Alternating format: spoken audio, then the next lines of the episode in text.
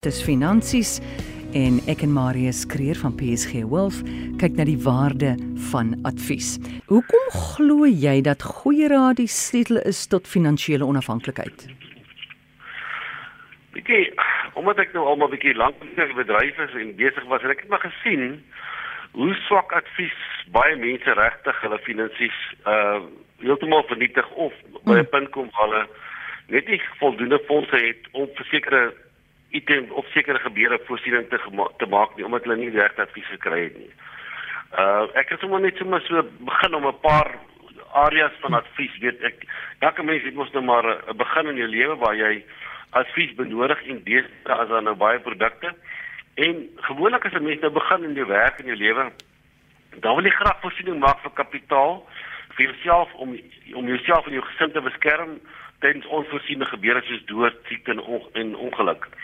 Ehm um, baie keer verdien mense ver, verloor jy jou verdien vermoë met ou jy kan nie verdien nie. 'n Voorbeeld vir jou as jy sien maar jou stem raak weg. Uh, jy maak mos nou maar jou geld met jou stem. Mm.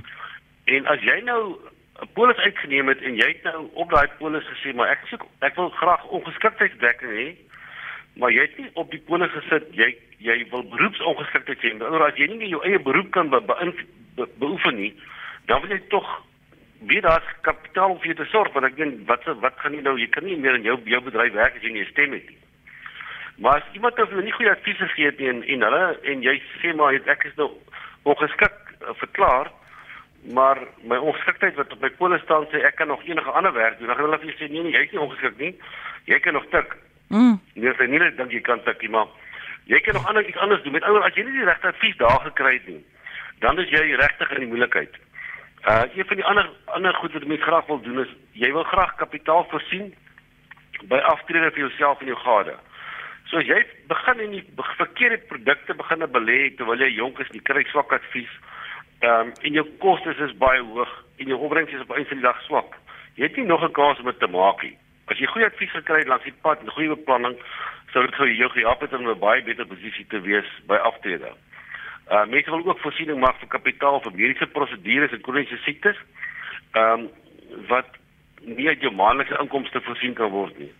Daarvoor het jy 'n mediese fonds nodig. Daar is deesdae so baie opsies in aanlyn opsies beskikbaar as jy nie regtig 'n kenner gaan kry wat vir jou hierdie goed uiteensit en volgens jou behoeftes vir jou plan voorlê en advies gee nie, gaan jy nie die regte die regte uh, fonds of die regte opsie kies nie of jy kies dalk iets wat vir jou heeltemal te veel is jy kon dalk baie goedkoper weggekom het.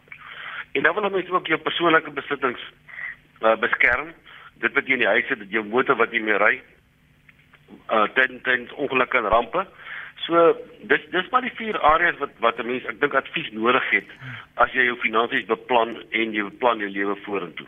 Nou Marius, hoe kies ek 'n adviseur want daar's nog altyd mense wat swak raad kry by kundiges. Jy hoor mense was nie reg verseker tydens 'n ramp nie of die belegger het hulle nie ingelig ingelig oor die risiko van 'n produk nie. Ja, ek dink mens kies maar jou adviseur soos jy 'n mediese dokter kies. Ehm um, of finansiële die verdienste dienste vir my mens gewoonlik 'n algemene praktisyn. En deesdae wil jy graag met 'n spesialis sake doen wat jou spesifieke behoeftes kan aanspreek. Jy spesialiste sien gewoonlik iets raak wat algemene praktiseurs dalk nie raak sien of diagnoseer nie. En natuurlik is integriteit wat my betref onder ononderhandelbaar. En dit kan nie gewoonlik bepaal deur deur 'n verwysing te kry by iemand wat jy ken wat reeds met die persoon besigheid gedoen het. Uh die meeste spesialiste liste wat ons tog raadpleeg as ons na iemand toe gaan, kry ons gewoonlik deur 'n persoonlike verwysing. Mense sê vir jou man, jy sê vir ou Jesus, ek sukkel met hierdie rug van my op my knie. Jy sê hoor iemand gaan na daai dis die beste ou wat nie doen. Hy het my nie gedoen of my ma of my pa het nie gedoen. Ehm um, dis nie anders in, in ons bedryf nie. Mense persoonlike verwysings is maar baie keer baie goed. En dan mense se ervaring is gewoonlik 'n goeie barometer of ehm um, van 'n van 'n adviseur. Dit as iemand vir sê ek is nou al 15 jaar by hierdie ou hanteer my aftrede geld en hier man ek het hom altyd 'n goeie opbrengs gekry, redelike bo-gemiddelde opbrengs gekry. Hy, hy gee vir my goeie diens met my ad, administrasie en belasting en so aan. Net jy het 'n goeie verwysing om seker te maak jy gaan nie 'n slegte ervaring hê nie. Uh want die skade van 'n verkeerde diagnose en behandeling deur 'n mediese praktisyn byvoorbeeld kan of permanent wees of dit kan soms dodelik wees. En ons ek dink nie dit anders by finansiële advies nie. daar's baie hartseer storie van ouer mense uh, wat baie of soms al al hulle spaargeld verloor deur 'n skema of 'n swak swak advies. Ja, uh, het jy vir ons enige voorbeelde uit jou loopbaan uit wat jy al ervaar het met mense? Ja, weet jy as ek sommer nou na COVID kyk en ek kyk na korttermynversekering, ek het 'n uh, uh, 'n vriende, hulle is hulle is aandeelhouers in 'n in 'n groot ehm um, besigheid wat toerisme hanteer. Ek gaan nou die besigheid se naam noem, hmm. maar hulle spesifieke polis het gesê dat hulle gedek is teen 'n pandemie. En hulle het met hierdie COVID het hulle 20 miljoen rand uit die versekerings uitgekry wat vir hulle genoeg kapitaal gegee het om hulle mense te behou en hulle besigheid te behou en deur hierdie 2 jaar te kom en nou gaan dit weer baie goed met hulle besigheid. In dieselfde asem kan ek sê ek ken iemand wat baie naby aan my is wat ook in hierdie selfde tyd 'n besigheid gehad het ehm um, waar hy in die gasvryheidsbedryf gewerk het. En hy het ook 'n polis gehad wat dekking gehad het, maar die polis het nie spesifiek gesê van pandemies nie. En die persoon moet sy besigheid toemaak. Met ander woorde, die persoon wat goeie advies gekry het, seker gemaak het dat daai persoon volgens sy behoeftes gedek is, het seker gemaak het die besigheid oorleef, die ander persoon se besigheid nie oorleef nie, hy het nie regte advies gekry nie. Iemand het nie regtig gaan gaan sê maar hoorie so ons ons maak seker dat bakkies ek wat gebeur, jou besigheid gaan staande bly nie. Hmm. As ons 'n bietjie kyk na na beleggings, weet ek het nou oor die jare het mense al so voor my kom sit met hartseer stories. Ehm um, en as ek maar net dink hoeveel geld het mense in eiendomsindikasies verloor. Ehm um, maatskappye so CMAX. Ehm um, hmm. mense wat hoë aandeel risiko gevat het wat wat nooit in die voordeel was van die van die kliënt nie en baie keer het gegaan oor kommissie wat die persoon verdien het en hy die hy die persoon in 'n verkeerde belegging ingesit en alles het net te goed gewees om waar te wees. En dan mense daai kapitaal verloor, net ouer mense het nie meer 'n kans om dit te maak nie. Daar's ook 'n advies wat te konservatief was. Met ander woorde, ehm um, die adviseur wou nie eintlik risiko neem nie en hy die kliënt basies net gehou in 'n geldmark tipe fonds of 'n bankbelegging. En nou die aandele beurs kom van 2003 af tot 2008 ongelooflik goed gedoen in daai 5 jaar. Ehm uh, en hierdie persoon het dit gemis en uiteindelik te konservatief belê en daarom het die persoon kon die persoon nie genoeg inkomste kry om sy lewensstandaard te handhaaf nie en was hy in die moeilikheid gewees. So dit is maar 'n paar van die voorbeelde wat ek wat ek kan noem, ek kan baie ander voorbeelde noem. Dit is maar wat ongelukkig gebeur. Hmm. Wanneer mense nie regte advies kry of swak advies kry.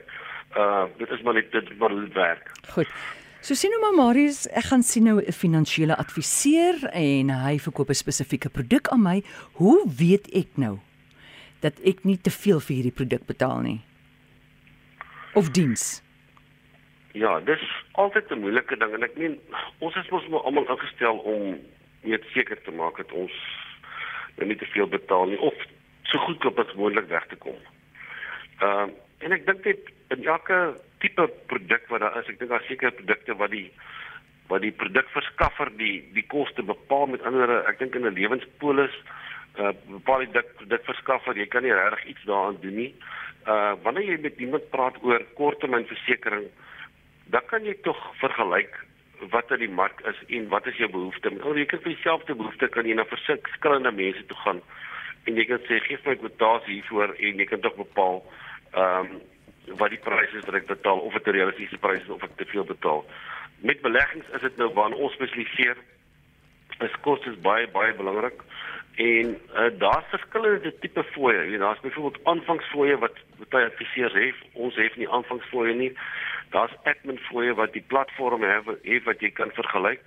Uh daar's 'n adviseursfooi, daar's 'n bestuursfooi. As jy byvoorbeeld in 'n effekte trust belê, dan is daar gewoonlik 'n spesifieke bestuursfooi wat die effekte trust trust maatskappy en daai goed kan jy volgens wet moet al daai kostes aan jou geopenbaar word en jy kan eintlik van bo af gaan. Jy kan elkeen gaan vergelyk met met iemand anders se nou of jy kan verskillende persone vra om vir jou uh te kwoteer op baie spesifieke produk en jy kan dit vergelyk. En dit is 'n baie belangrike ding net om 'n voorbeeld te noem. As ek 10 miljoen rand belê uh en ek trek 4% van my kapitaal dan gaan my en ek kry inflasie plus 4% opbrengs dan gaan my kapitaal se plus minus 45 jaar hou. As ek 'n persent neertrek, hmm. dan haal ek 13 jaar van my kapitaal af. Met ander woorde, as ek 'n persent meer kostes betaal as wat ek op 'n ander plek betaal en dit is my aftreegeld, dan beteken ek verkort my termyn waarop ek die kapitaal kan hê vir 13 jaar. Dit klink heeltemal onrealisties, maar dit is dit is hoe dit werk. Met ander woorde, kostes is baie belangrik, maar ek dink mense moet ook besluit wat hulle kry vir hulle kostes. Dit kostes gaan maar oor wat kry ek, wat is die waarde wat ek kry? Dis mos soos ek wanneer ek 'n motor koop. Ek kan besluit om 'n sekere voertuig te koop wat my dalk 220 000 rand gaan kos. Maar ek moet weet van daai voertuig gaan ek nie ek gaan dalk nie 'n sleepstang hê nie, ek gaan dalk nie ligreëling hê nie, ek gaan 'n klomp veiligheidsaspekte gaan ek nie hê nie. As ek al daai wil hê, gaan ek meer moet betaal. En baie keer is dit maar met so met met advies wat jy kry in beleggings. Uh baie adviseer of jy sê dis die produk, dis al wat ek jou gee en jy weet wat jy kry. Jy na ander adviseer kom doen vir jou beplanning, gee vir jou belastingadvies wat jy 'n klomp geld kan spaar, gee vir jou boedelbelastingadvies wat jy 'n klomp geld kan spaar en dit gaan jou dalk 'n bietjie meer kos. Of jy kan sê maar ek wil dit nie hê nie, want ek het 'n ouditeur wat vir my belastingadvies gee, dit al op elk geval. So mense het 'n keuse oor wat wil jy betaal en wat wil jy hê? Maar mense moet baie versigtig wees dat jy nie meer betaal as die waarde wat jy kry nie. Ehm um, hmm. en as jy goeie waarde kry, dan kos dit baie keer 'n bietjie meer, maar dan moet jy bepaal, bepaal of dit vir jou die moeite werd is. Goed, nou wat is die effek van koste op die opbrengs van my aftreegeld oor 10 en 20 jaar? Ja, ek dink ek het dit nou net probeer aanspreek daaroor. Ehm um, as ek as ek aftreegeld het, dan is tog die belangrikste verby om seker te maak dat hierdie kapitaal wat ek het gaan in my lewenstyd nog daar wees of ek gaan nog kapitaal oor in die dag as ek sterwe kom. Nou ongelukkig het ons mos nou nie 'n 'n tydperk gekoppel aan ons aan ons lewenstyd nie. Ons ons moet ons weet nie dit gaan 15 of 20 jaar wees of langer nie. Maar daarom moet 'n mens regtig beplan asof jy baie lank gaan lewe. Met ander woorde, as jy op 60 jaar geouderdom aftree, doen jy beplanning asof jy 90 gaan word. Moet dit ten minste vir 30 jaar of 95, 35 jaar. Uh want mense word mos nou deesdae baie ouer. Maar dan moet jy seker maak dat jy 'n kontantvloei het wat vir jou wys wat presies jou huidige kostes is en wat is jou netto effek wat jy gaan kry na jou opbrengs wat jou geprojekteer is met ander woorde as jy opbrengs inflasie plus 4% geprojekteer is dan moet jy seker maak al jou kostes is bereken want soos ek net gesê het, elke persentasiepunt wat jy meer betaal en kos as dit 'n hele persentasiepunt is, is dit 13 jaar se kapitaal wat jy meer vinniger op gaan gebruik. Met ander as jy 0.5% meer betaal as as by 'n as by 'n ander persoon, ehm uh, dan moet jy moet jy weet jy gaan omtrent 6 en 'n half jaar jou kapitaal vroeër opgebruik. Uh maar mens moet ook seker maak dat jy iemand kry wat jou geld goed kan bestuur want jy help nie jy betaal net baie min. Mm. Jy kry jy kry nie goeie bestuur van jou kapitaal. Goed. Wat is prestasie vir jou? Ja, dit is nog iets wat ek graag wil praat. Ek dink baie mense uh kom na ons en sê maar kan ek nie betaal vir die opbrengs wat ek kry nie oor 'n prestasie fooi betaal.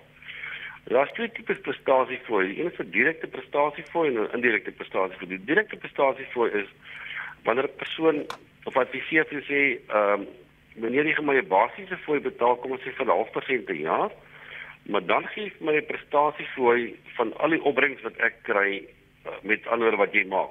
Uh, die die persoon dan nou vir die jaar 15% opbrengs gekry het en die adviseer sê hy wil 10% van die van die as 'n prestasie fooi dan beteken dit jy gaan nog 1.5% betaal boonbehalwe die 0.5% wat jy betaal jy gaan totaal 2% betaal of jy kan 'n indirekte prestasie fooi kry wat gekoppel is aan 'n spesifieke doelwit. Met ander woorde, baie van die effekte trusts het sulke prestasie fooi. Hulle sê vir jou, ons doelwit is geldmark. As ons geldmark uitpresteer, dan gaan ons bokant die geldmark ehm um, vlak. Met ander woorde, kom ons sê geldmark is 7%, met as ons meer as 7% maak, dan gaan ons 'n persentasie van alles bokant 7% vat. As ons minder as 7% vat, maak dan maak of vat ons geen prestasie fooi nie. Ehm uh, ons hou nie van prestasiefooi nie want by prestasiefooi weet jy nie by uit van 'n gevoel gaan betaal nie. As dit 'n baie goeie jaar is, betaal jy 'n klomp geld, maar jy betaal nog altyd 'n basiese fooi.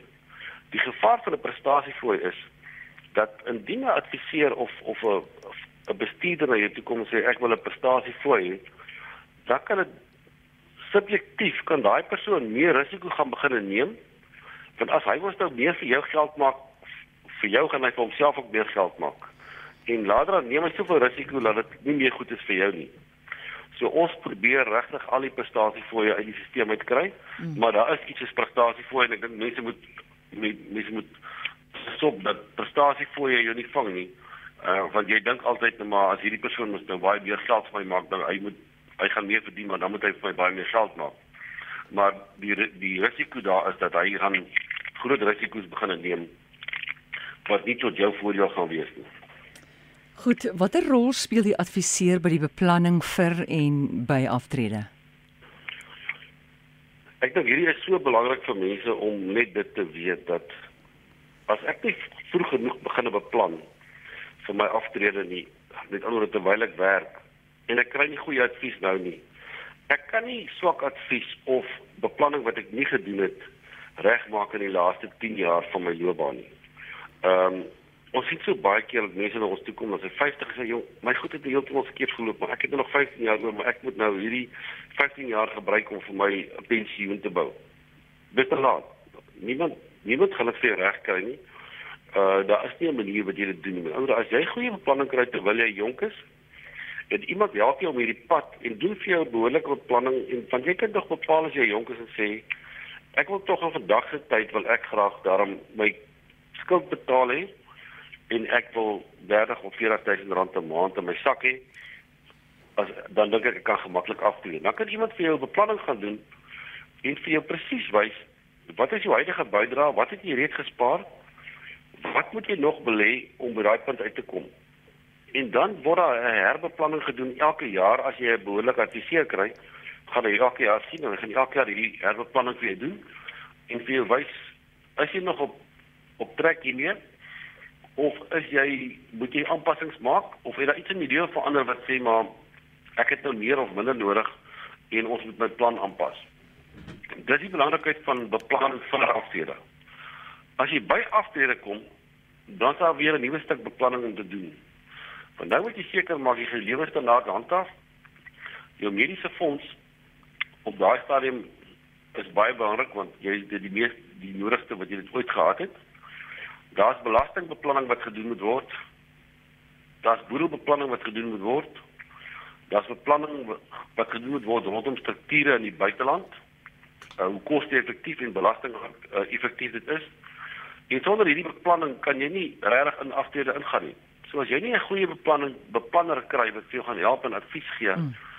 op hierdie stadium nie, die kans dat 'n persoon dit self gaan doen is eintlik baie skaam want niemand het al hierdie kennis nie.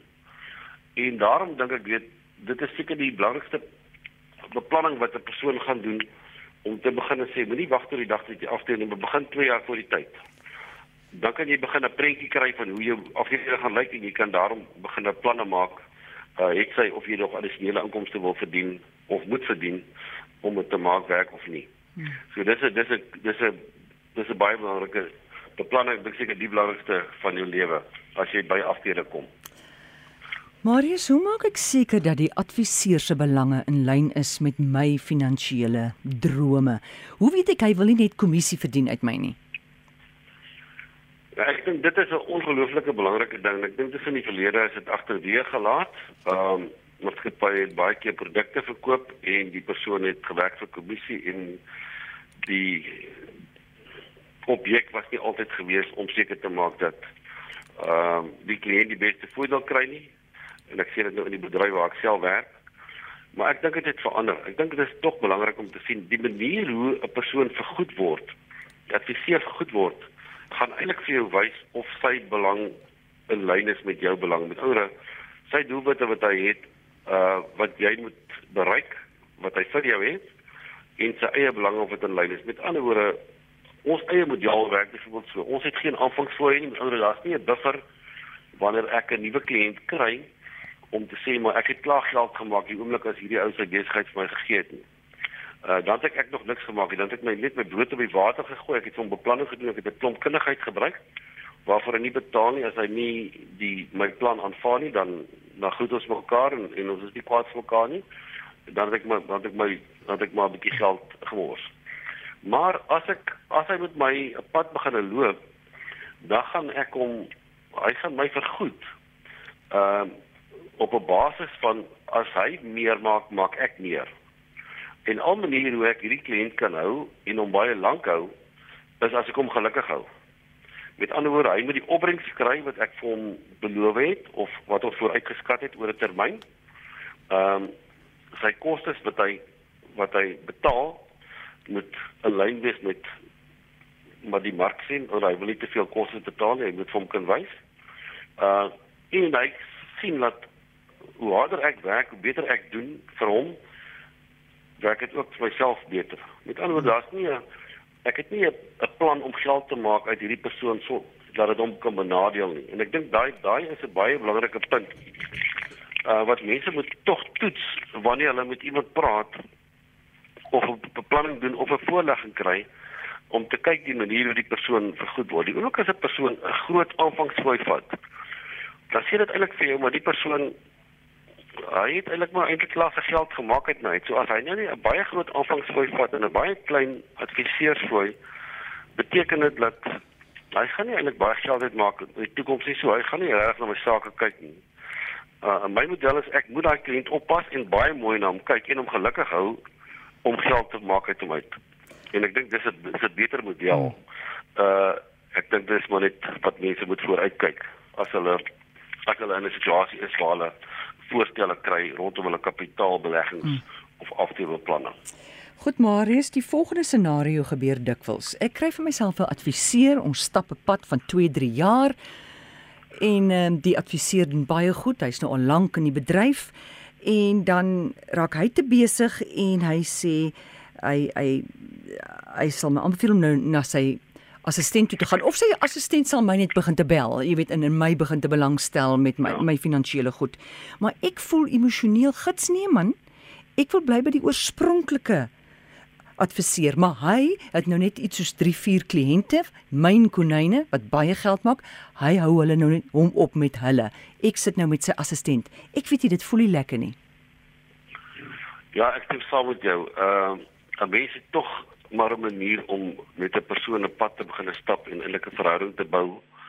Ehm uh, en jy voel gemaklik en en jy het vertroue in 'n persoon en die oomblik as jy met 'n nuwe persoon werk, dan is dit nie dat jy die nuwe persoon gaan nie ook goed wees nie, maar op daai stadium is dit net altyd gemaklik om na die hmm. nuwe persoon te gaan en jy jy is nie seker wat jy gaan kry nie.